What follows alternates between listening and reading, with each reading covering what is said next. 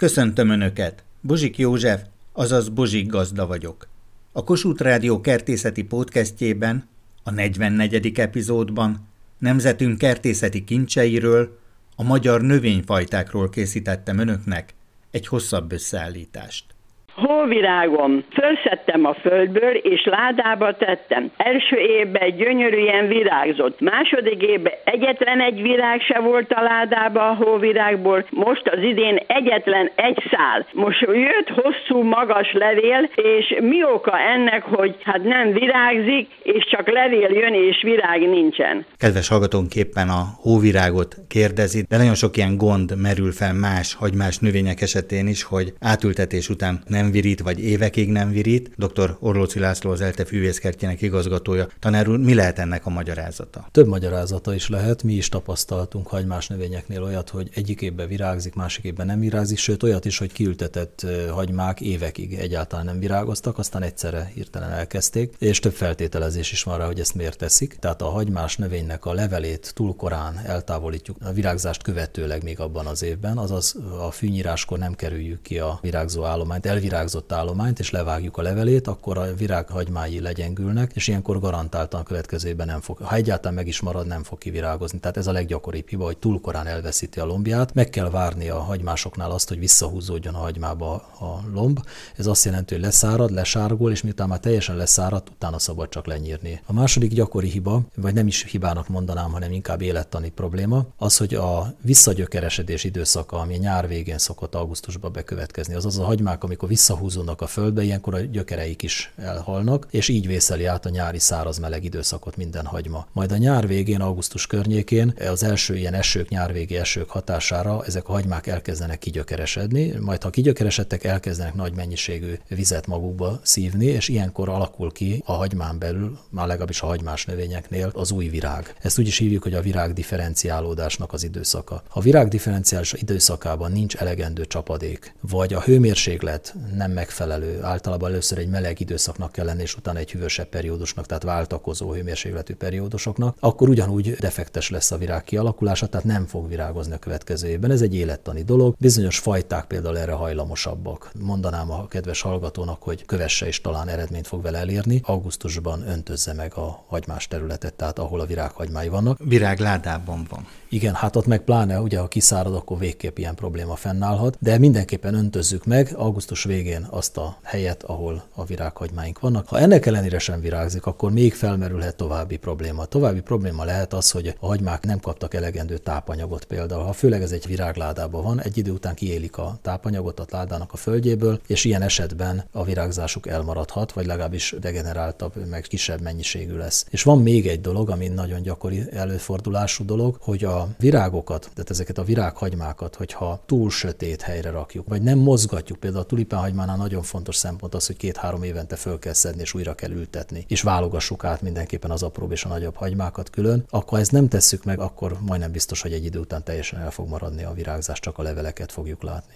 Orlóci László az ELTE fűvészkertjének igazgatója, de igazgató urat én még a Kertészeti Egyetemről ismerhetem, és hogyha az 1848-49-es forradalomra gondolunk és a kertészetre, a kertekre, akkor Ensz Ferenc professzor úr, aki a szabadságharc orvosa volt, de azzal büntették, hogy nem folytathatta orvosi pályafutását a forradalom leverése után, és így kertész lett és megalapította valójában a Kertészeti Tanintézet jogelődjét, vagy hát magát a Kertészeti Tanintézetet Budán, a Gellért egy oldalában, a mai Kertészeti Egyetem, illetve a Corvinus Egyetem kertészeti kampuszát, és innen indultak azok a látványos nagy pályák, látványos nagy kertészpályák, mondhatnék itt sok-sok nevet, Angyal Dezsőjét, Mohácsi Mátyásét, akik hát a mai magyar kertészeti szakmának az alapjait megteremtették, lerakták, illetve akik elindították a mai magyar kertészeti termelést, ami világhírű. Tanár úr, én készül készültem, a nemzet virágai. Beütöttem a keresőbe, de egy olyan könyvet találtam, ahol a legendás magyar hölgyek eszették csokorba, nem pedig a forradalom virágait. És gondolhatunk Márk Gergelyre is, hiszen itt a fűvészkertben itt állunk Márk Gergely rózsái mellett. Nagyon sok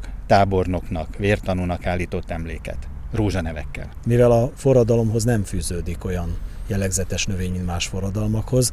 Talán köszönhető annak is, hogy korán volt még. Ha az időjárás nézzük, ugye egy március 15-e az virág szempontjából, akkoriban még hajtató kertészet nem volt, tehát ilyen értelemben nem nagyon volt virágzó növény. Azonban ismervén a forradalom résztvevőit, többek közt például ugye a nagyköltőnket, Petőfi Sándort, aki nagyon sok virágot megénekelt költeményeiben, akár több virágot is mondhatnánk ennek, de a rózsa, mint egy jelképnövény, általában a rózsa nagyon sok helyen megjelenik. Ugye, ha más nem mondok, akkor a csákó rózsa, a sisak rózsa, általában a katonai öltözetben is megjelent sokszor a rózsa forma, sőt, hát nem szabad megfelejtkezni magáról a kokárdáról, mert a kokárda is egy virágképet mutat, ha így nézzük. Ugye az olasz származás, a trikolor és a magyar színek ugyanazok, tehát ilyen értelemben csak máshogy kell használni őket. Ilyen értelemben egy nagy virághoz is hasonlítható volna. Nem véletlenül, hogy nagy rózsa nemesítünk már Gergely is, több ilyen rózsafajtát a tábornokokról nevezett el, mint például Bemapóról. Kossuth Lajosról is nevezett el, és érdekes módon Görgei Artúrról is, akinek a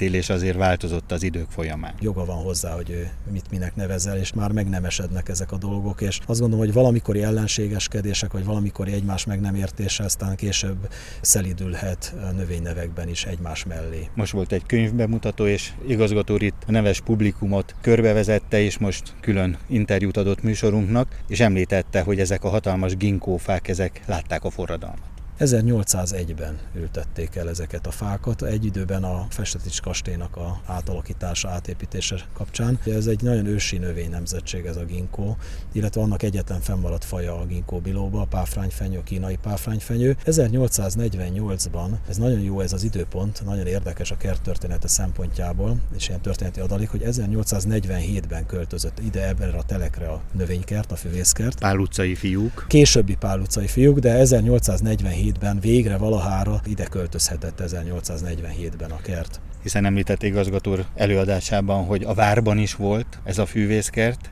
sőt korábban Nagy Szombaton. Majd a várba költözött, ott nagyon rövid ideig volt, majd onnan Pestre költözött a kert. Ott is két helyszínre először az irgalmasok kertjébe, aztán később a mai Trefort kert területén volt az akkori füvészkert, amit aztán 1838-ban nevezetes nagypesti árvíz, ugye a Veselényi az árvízi hajós kapcsán, ezt talán emlékszünk rá.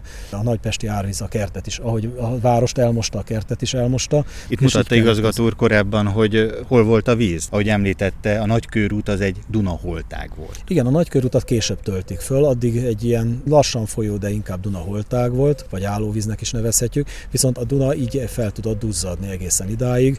Korabeli térképek tanúsága szerint, rajzai szerint itt a Füvészker területén ma is láthatóan volt a Duna árterének határa ős medve hagymás is van itt, tehát akár 1848-ban is lehetett volna szedegetni ilyenkor ebben az időben. Hát az a korabeli leírások szerint akkor nagyon hideg volt, még havas eső is volt, tehát ahogy a krónikások feljegyezték. Azonban ez a terület akkor a forradalomnak az eseményeiben nem került be. Ellentétben viszont az egyéb területek, ami a Pál utcai fiúban ugye meg van említve a füvészkert mellett, mint fő helyszín a múzeumkert például, hát az már ugye kifejezetten a, a forradalom egyik fő helyszínének számított. A múzeumkert azért elég sokszor átalakult, és hát a növényvilága az sokszor áldozatul esett a sokszori átépítkezésnek, meg átalakításoknak.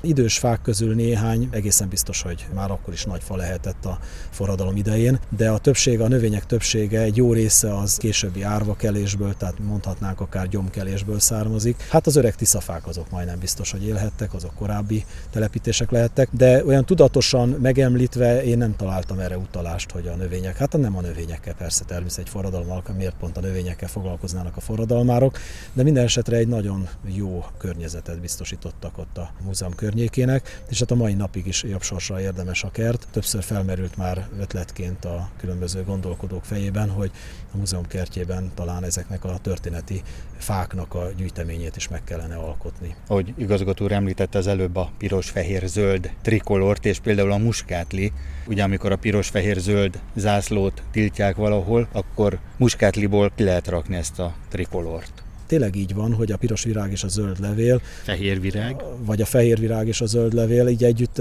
természetesen ezt adja. Én el is tudom képzelni, a magyar néplélek mindig is egy ilyen, hogy megkeresi mindig azt a kis kaput, azt az utat, ahol ki lehet törni, és ha más nem jelképekben lehet mutatni a szándékát és akaratát, még akkor is, hogyha ezt másod és más korokban tiltják. A Tiszafák árnyékában ott van Garibaldi szobra a múzeumkertben, piros-fehér-zöld, zöld-fehér-piros, ugye az olasz és a magyar zászló. És ez a forradalmi forradalmi időszak, illetve a forradalmi hangulat, hát is nem szabad elfelejtkezni ugye Garibaldi seregében harcoló magyar honvédekről és honvédtábornokokról, akik ugye végül is kivívták az olasz egységet és az olasz szabadságot. A 80-as években március 15-én teljes virágzásban volt a kajszi, és ugye volt olyan március 15-e, amikor hóviharok pusztítottak. Zsigó György, a Magyar Növényorvosi Kamara budapesti alelnöke, édesapa, nagyapa, gyerekekkel, unokákkal március 15-e, de mondjuk a mi szakmánk közelítésében.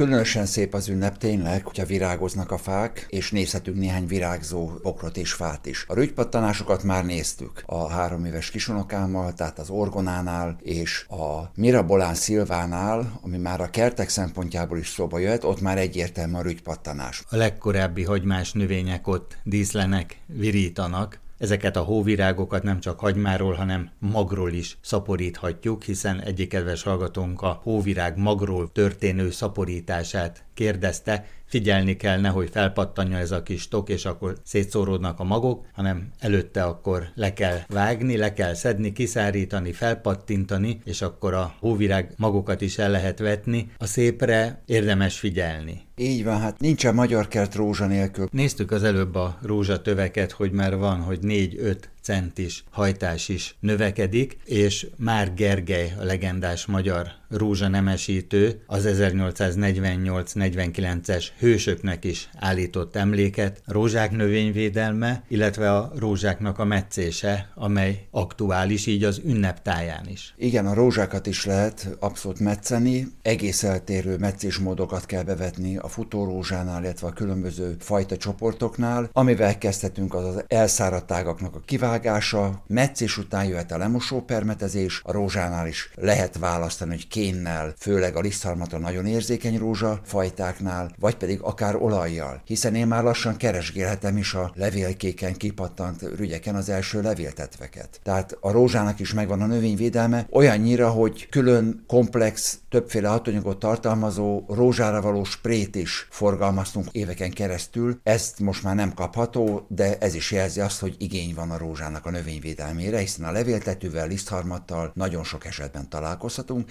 és akkor még jöhetnek az egyéb gombabetegségek, ilyen például a csillagpenész, ami a fekete csillag alakú penész foltokat okozhatja a rózsa levelén. Tehát itt az ünnepnél én azt szeretném, ha a pihenés jönne be egy kicsit, legyenek azok akár a vasárnapok. Én is most fogadtam meg, hogy most már biztos minden vasárnap pihenni fogok, vagy nem a konkrét munkámmal foglalkozni. A hobbival lehet, ami hasonlít a munkámhoz, de a teljesítéssel nem. És akkor a gyönyörűségek, tehát ugye a korai hagymás virágok, amelyek bearanyozzák az ünnepet. Tehát figyeljünk erre, elmehetünk arborétumokba, itt Budapesten is nagyon szép fűvészkertek vannak. Tanár úr majd akkor a kisunokával együtt járja végig a virágágyásokat. Így van, van neki saját gerebéje, saját kapája, úgyhogy most már együtt dolgozgatunk. Mondjuk maximum napi fél órát. Ennyit bír egyelőre koncentráltan egyre figyelni. A rózsa évszázadokra, sőt évezredekre tekint vissza, hiszen a római birodalomban vagy az ókori egyiptomi fárók korában is nagy nimbusza volt. Magyarországra török közvetítéssel is jutottak különleges ázsiai rózsák, hiszen Gülbaba türbéje, vagy pedig legendás magyar filmek, amiben feldolgozták ezt a kérdést, ugye, hogy a török rózsa, a magyar vitéz és a török lány kapcsolata, de hát mindig is a szerelem virága volt. Nagyon érdekes, hogy Angliában hihetetlen erővel folytatódik a rózsanemesítés, az angol rózsák itt vannak Magyarországon is, Szabó Fruzsinával beszélgettünk erről korábban, hogy mennyire hódítanak az angol rózsák. Keresik, hogy illatos legyen az a rózsa, végig szaglásszák a kedves vásárlók a rózsaszint, a pirost, a sárgát, a rózsaszint árnyalataiban mindegyiket, és amelyiknek a legjobb illata van, utána kezdenek választani, és akkor ott keresnek egy olyat, amelyik jó állású a rózsa. Hát egy te a rózsánál nincs szebb, akár egyforma színben, akár mind más színben. Csodál csodálatos, majdnem egész nyáron virágzik, nem kell bevinni télen, jó tápanyagos talajba kiültetjük, majdnem egész nyáron virágzik, olyat kell választani. Ha valakinek csak olyan helye van, hogy rézsűbe, akkor viheti a talajtakaró rózsát. Budaörs határában beszélgethetek Szabó Fruzsinával, és itt volt egy legendás nagymester a környéken. Már Gergely. Már Gergely, világhírű magyar rózsanemesítő, nagyon sok magyar történelmi személyiségről nevezett el rózsát. Azok a rózsák, amik most Európában vannak, annak az ősei pontosan Indiából, Kínából, Törökországon keresztül származtak ide, és ebből nemesítették az európai nemesítők a mai modern rózsákat. Mondják, hogy egyben a szerelem virágja is, hiszen ha valaki kedveskedni akar valakinek, például egy hölgynek, semmivel sem tud annyira kedveskedni, mint egy csokó rózsával. Először a rózsaolajat a franciák állították elő, de tekintettel arra, hogy a rózsaolaj előállításához rengeteg kézi munka szükséges, mert a szírmokat kézzel kell egyenként leszedni. Az azt jelenti, hogy mivel egy tonna sziromból lehet nyerni egy liter olajat, hát fantasztikus sok kézi munkaerő kell ahhoz, hogy egy liter olajhoz megfelelő szírmot össze lehessen szedni. Ezért a franciák föladták, később aztán a bolgárok vették át, és a bolgároknál alakult ki a rózsaolaj termesztés. Körülbelül 80 ezer termesztett rózsa van a világon fajta, hogy a 80 ezer fajta közül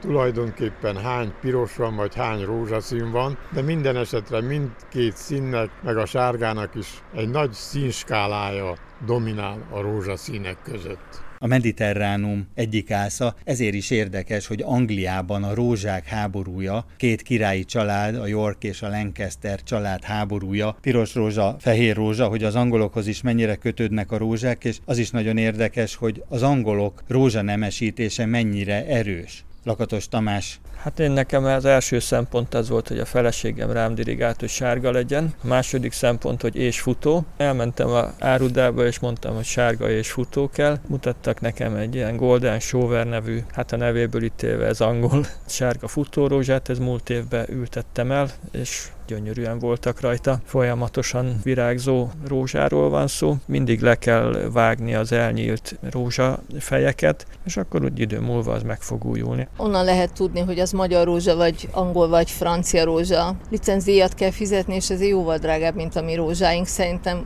tudnak annyit, de amikor ezek bejönnek, ezek kicsit kockás, kicsit előkelőbb cserébe van, meg előkelőbben vannak beültetve, de szerintem egy-két éves korában, hogyha ugyanolyan minőségű talajba és ugyanolyan törődéssel foglalkozunk vele, akkor vannak olyan rózsák, tehát vannak olyan szépek. Rengeteg pénzt beletettek, hogy az angol rózsákat favorizálják. Igen, mindegyik eh, cserében van, olyan színűben, majdnem talán, mint az a rózsának a virága lesz, mindegyik külön etikettel, van ott egy ór, rajta vannak csillagok, a négyes a legillatosabb, tehát érdemes megnézni a táblákat is, erre odafigyeltek. Hát szerintem előbb-utóbb mi is el fogunk odaérni, hogy mi is többet fogunk költeni magára az előállítására, és amikor eladjuk tudjuk, hogy csomagoljuk azt a rózsát, hogy adjuk el. Pajtás Ferenc kertjében lehetek, és csodálatos szép rózsakertet alakított ki. Egész lenyűgözés, ugye vannak itt mini rózsák, amelyet sokan azt hiszik, hogy cserepes, nagyon pirinyók. Kutyák érzékelnek valamit, ugye, hogy hang... az utcán. És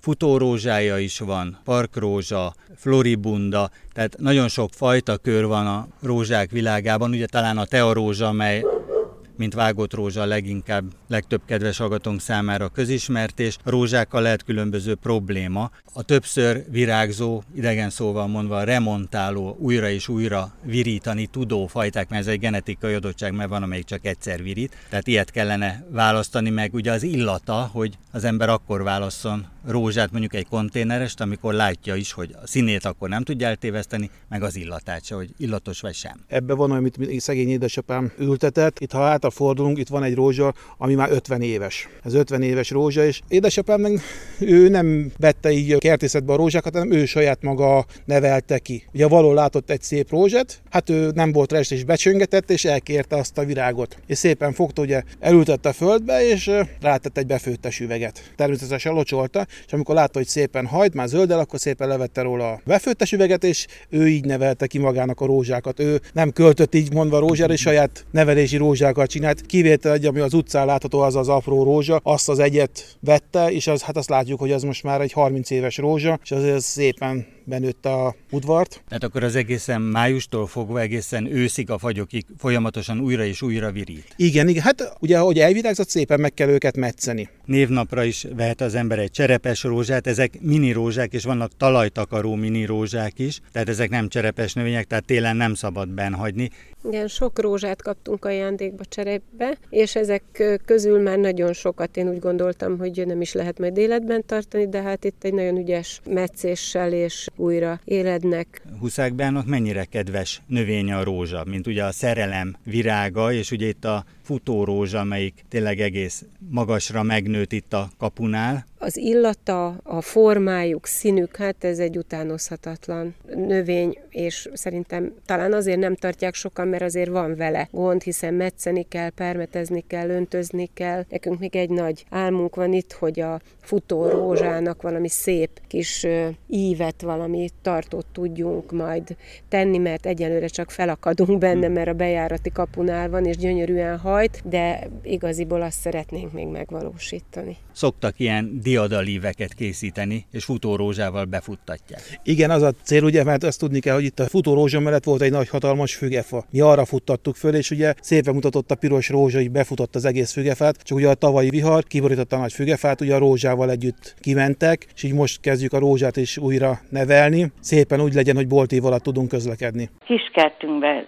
szeretnénk magyar vetőburgonyát ültetni. Hol lehet beszerezni azt ilyen kiskerthez való mennyiségben, mert ezek az 50 darabosak, ezek minden üt német, lengyel vagy akár más országból származnak dr. Polgár Zsolt, a Keszthelyi Burgonyakutatási Központ igazgatója, skót kutatókat is Bécsben meglepett azzal, amikor a vírus ellenálló burgonyák nemesítésére gondoltak a skótok jövő időben, de Magyarországon ez már múlt idő. Így van. Mostanságra beérett az a több évtizedes munka, amit elődeink a 60-as évektől kezdődően végeztek itt Magyarországon. Egy olyan egyedi rezisztencia nemesítési programot kezdtek el akkor az országunkban, ami párját ritkító volt, és annak az eredményei igazából most jutnak el a köztudatba tudatba, hiszen a magyar fajták közül egy sor kiugróan magas vírus ellenálló képességgel rendelkezik, és ez azért fontos, mivel több éven keresztül is akár vissza lehet forgatni a vetőburgonyát, és ezzel pedig sok-sok tízezer forintot meg lehet takarítani a termesztők szempontjából. Ez egy jó hír. Melyek azok a fajták, amelyek leginkább vírus ellenállóak, kimagaslanak a nemzetközi gyakorlatból, hiszen Európában több mint 500 féle burgonyával kell versenyezni a magyar fajtáknak. De ezt nyugodtan mondhatjuk, hogy ennyire vírusrezisztens faj fajtái másoknak, mint amilyen a, a magyar fajták nem igen vannak, vagy csak elvétve egy-kettő. Nem csak a vírus ellenállóság, hanem még más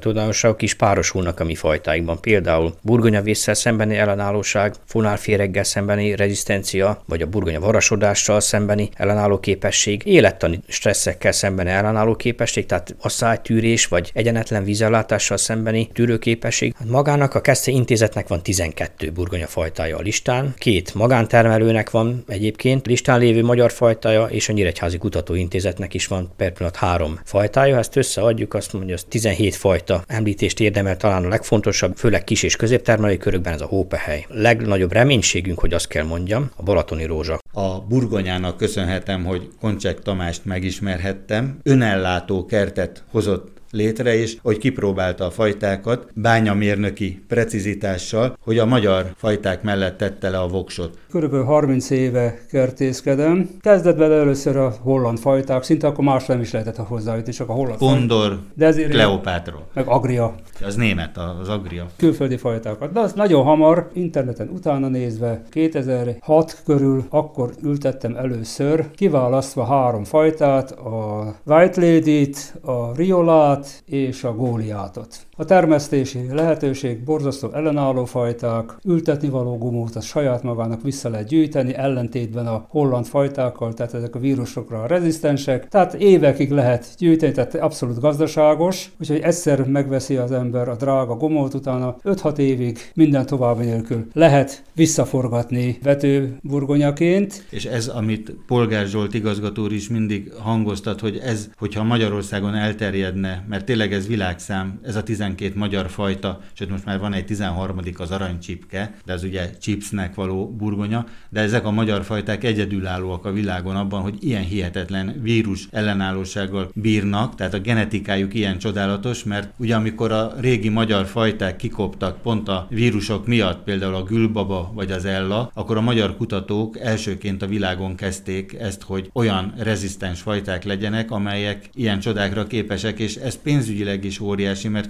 körülbelül 30%-os önköltség csökkentést lehet elérni, hogyha vissza tudom forgatni a saját burgonyámat. Hát ez így van. És egyébként is ellenállóak, egyéb betegségek, tehát fitoflóra, burgonyavész, stb. ezekre is ellenállóak. Tehát magyarán nem szükséges ezeket permetezni. Egyszer készszer való részgálicos, vagy valamilyen rézzel való lepermetezés tökéletes védelmet nyújt a burgonyavész ellen is, úgyhogy feltétlenül ajánlom mindenkinek a figyelmébe. Azért egy kis fajtaváltást is végrehajtott, ugye feleségével, a konyha művészettel ötvözvén a gondolatokat, hogy melyik az ellenálló, de melyik a jó ízű burgonya. Ízlés kérdése, mindig változtattuk. A White Lady az maradt mindig, a góliátot meg a riolát azt lecseréltük, kipróbáltuk. Két évvel már a katicát, tavaly a balatoni rózsát, hát idén azt mondom, főfajta a balatoni rózsa lesz, mert... Az vált be a legjobban? Abszolút korai fajta, és tökéletesen tárolható. Na igen, mert tavaly, amikor találkoztunk, mondta, hogy végrehajtja a tárolási kísérletet. Balatoni rózsa, mint egy korai fajta, amit már június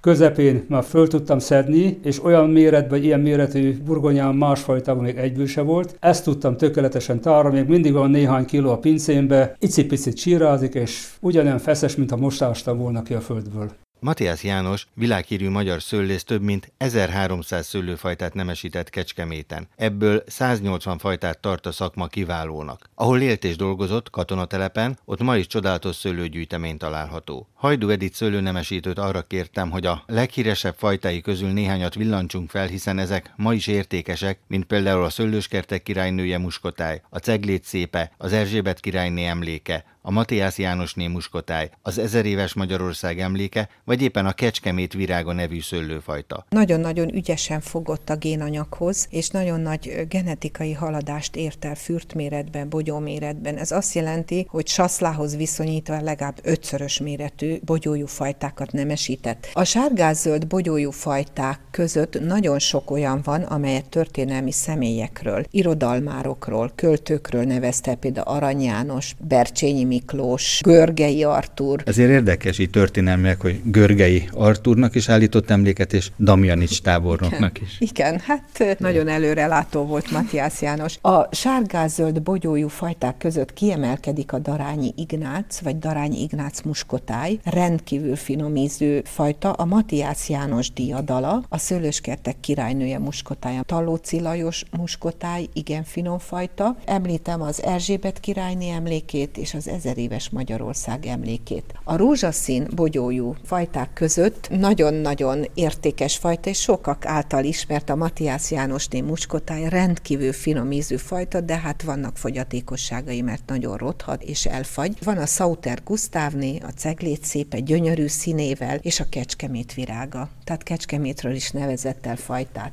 A ceglét szépe azért mind a mai napig az egyik legjelesebb fajtája, amit ideig felsoroltunk. Természetesen a szőlőskertek királynője a leginkább elterjedt és a legnevezetesebb fajtája, az olaszok is fölkarolták. Igen, a szép az egy álomszép színű fajta, gyönyörű rózsaszín színe van, elég jó téltörő a csemegeszőlő fajták között, és nem rothad, téli tárolásra nagyon jó. Ezt mi magunk is annyira értékeltük, hogy foglalkoztunk a klón szelekciójával, és van egy államilag minősített klónunk, a szép PK73-as klón. Szőlőt otthon is nemesíthetünk a kertünkben, ha elvetjük a beérett szőlőszemek magvait. Mikor lesz aranysárga? Mikor válik rózsaszínné, vagy éppen hogyan születnek a kék szőlők? Hajdú Edith számára ezek nem csupán elméleti kérdések a nemesítés során. Hát ha a világ viszonylatban nézzük a szőlőfajtákat, akkor a kék bogyójúak dominálnak. Tehát így a szőlő bogyó héjnak a színe az többgénes tulajdonság, tehát nehezen öröklődik, vagy kiszámítható? Kiszámítható, és ha a szülőpárokat úgy választom meg, akkor az dominánsan öröklődik. Tehát több a sárgás bogyójú hibrid mindig a populációban, mint a színes. Ez biztos. De minden bizonyal ő olyan forrásokhoz nyúlt, amiből dominánsan öröklődött a zöldes-sárga szín, és néha kihasadt rózsaszín, illetve kék. A szőlészek, borászok még arra is kényesek, hogy nem mondjuk azt, hogy a szőlő gyümölcs, a szőlő az szőlő. Dr. Polgár Zsolt nemesítő, agrármérnök, de kertészkedik is, van egy kis szőlője, és abból bort is készít, és ráadásul ott van Cserszeg Tomaja közelben, neves magyar fajták születtek dr. Bakonyi Károly keze alatt, például világfajta lett a cserszegi fűszeres. Hogyan tapasztalja magyar fajták, világfajták. Elsősorban a név ismertsége az, ami most meghatározza szerintem egy szőlőfajta és a belőle készült bornak a sikerességét, hiszen sajnos ezt el kell fogadnunk, hogy vannak olyan világfajták, amelyeknek a nevét a hat kontinens bármelyikén megemlítjük, akkor tudják, hogy ugyanarra gondolunk. Nem kell marketing módon bevezetni az adott fajta nevet. Nem kell, mert már be van, tehát bedolgozta magát. A szőlő is tulajdonképpen egy meglehetősen kozmopolita növény, nem minden fajtája, de nagyon sok fajta a világ bármely szőlőtermesztő régiójában igazából termesztésbe állítható. Jó példa erre például a Chardonnay. Sokan az alapján értékelik a borok minőségét, hogy hány forint vagy hány euró van ráírva egy palackra. És ha az mondjuk 10 euró per palack, vagy éppen 50 euró per palack, akkor azt hiszük, hogy az akár 10-szer vagy 50-szer jobb annál, ami mondjuk 1 euróba kerül, és magyar előállítású, mondjuk egy magyar fajtából.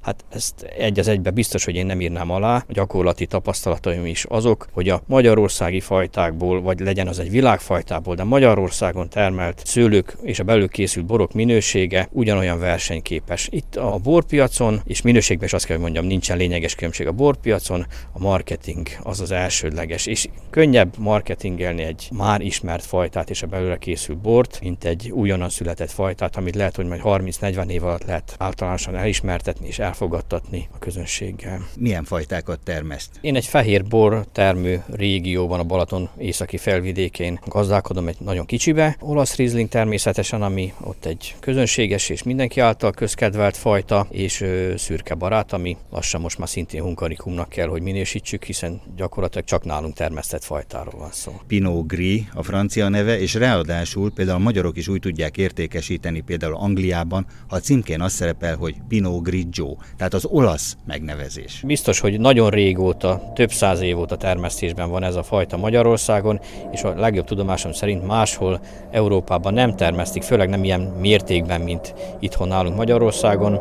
Szerintem tekintsük ezt továbbra is egy magyar fajtának, olyan magyar fajtának, amelyik lehet, hogy adott esetben ténylegesen francia eredetű volt, de már itt honosodott meg. Szőlőket válogatnak. Miért keresnek? Biankát keresünk. És miért? Hát mert jó, tűrőképes. Ellenálló. Ellenálló, így van. Kitűntek az ellenálló szőlők. Dr. Hajdó Edit szőlőnemesítővel Kecskeméten találkoztam, és elmondta azokat a hazai fajtákat, amelyek kiemelkedtek azzal, hogy ellenállóak voltak a peronoszpóra, a lisztharmat, vagy éppen a szürkepenész támadásának. Ez nagyon-nagyon kellemetlen évjárat volt, és járványos évjárat, méghozzá peronoszpora járvány. Pusztította a szőlőket, köszönhetően annak, hogy május végétől, majdnem végig júniusban nagyon sok csapadék esett megállás nélkül. És ez ideális feltételeket teremtett a peronoszpora járványnak. Ez a gomba betegség nagyon csúnyán pusztította a szőlőtőkéket, elsősorban a leveleket, a hónajhajtásokat és a fürtöket.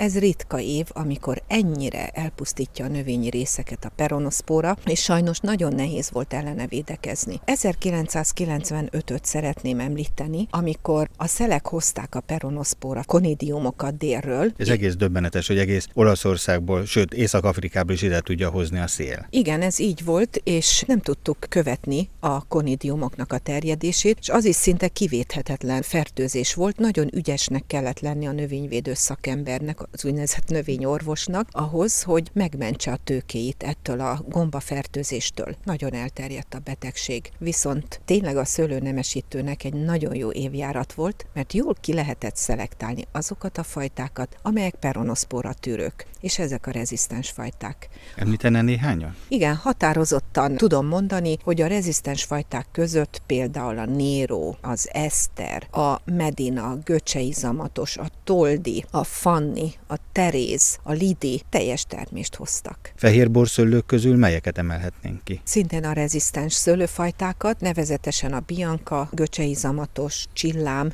Viktória gyöngye, amelyek olyan génforrásból keletkeznek, amelyek a rezisztenciát jól átörökítették az utódokba. És a vörös borszőlőfajták közül? Említem a Medinát, a Nérót, említeném a Duna gyöngyét, még akkor a Panon Frankost, illetve a korai bíbort, amelyek szintén nagyon jól szerepeltek. Most bebizonyosodott az, hogy milyen fontos szerepet játszanak a rezisztens fajták.